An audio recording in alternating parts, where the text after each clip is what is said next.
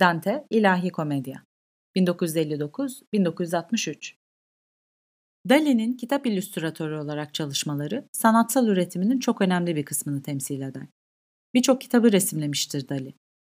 Burada Dante Alighieri'nin 14. yüzyıl başında yazdığı ilahi komedi için yaptığı resimleri görüyorsunuz. Bunlara ahşap oyma baskı denir. Ahşap yüzeylerin oyulmasıyla elde edilmiştir.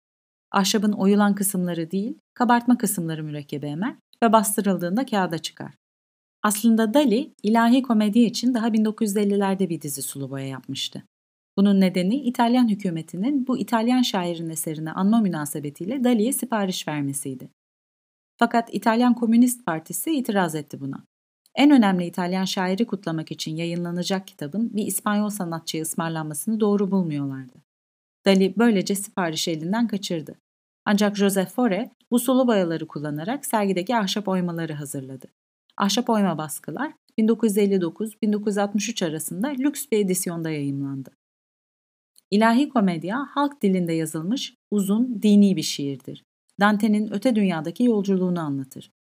Romalı şair Virgilius Dante'yi cehennem ve Araf'a götürür.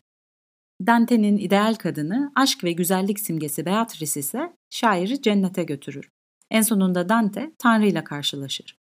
Buradaki uzun bir yolculuğa çıkış başlıklı illüstrasyonda uzaklara kadar uzanan bir manzarada küçük bir figür görüyorsunuz. Figürün Dante olduğunu anlıyorsunuz çünkü üzerinde geleneksel kırmızı bir giysi ve defne dalından tacı var. Öte dünyaya doğru uzun bir yolculuğa çıkmak üzere.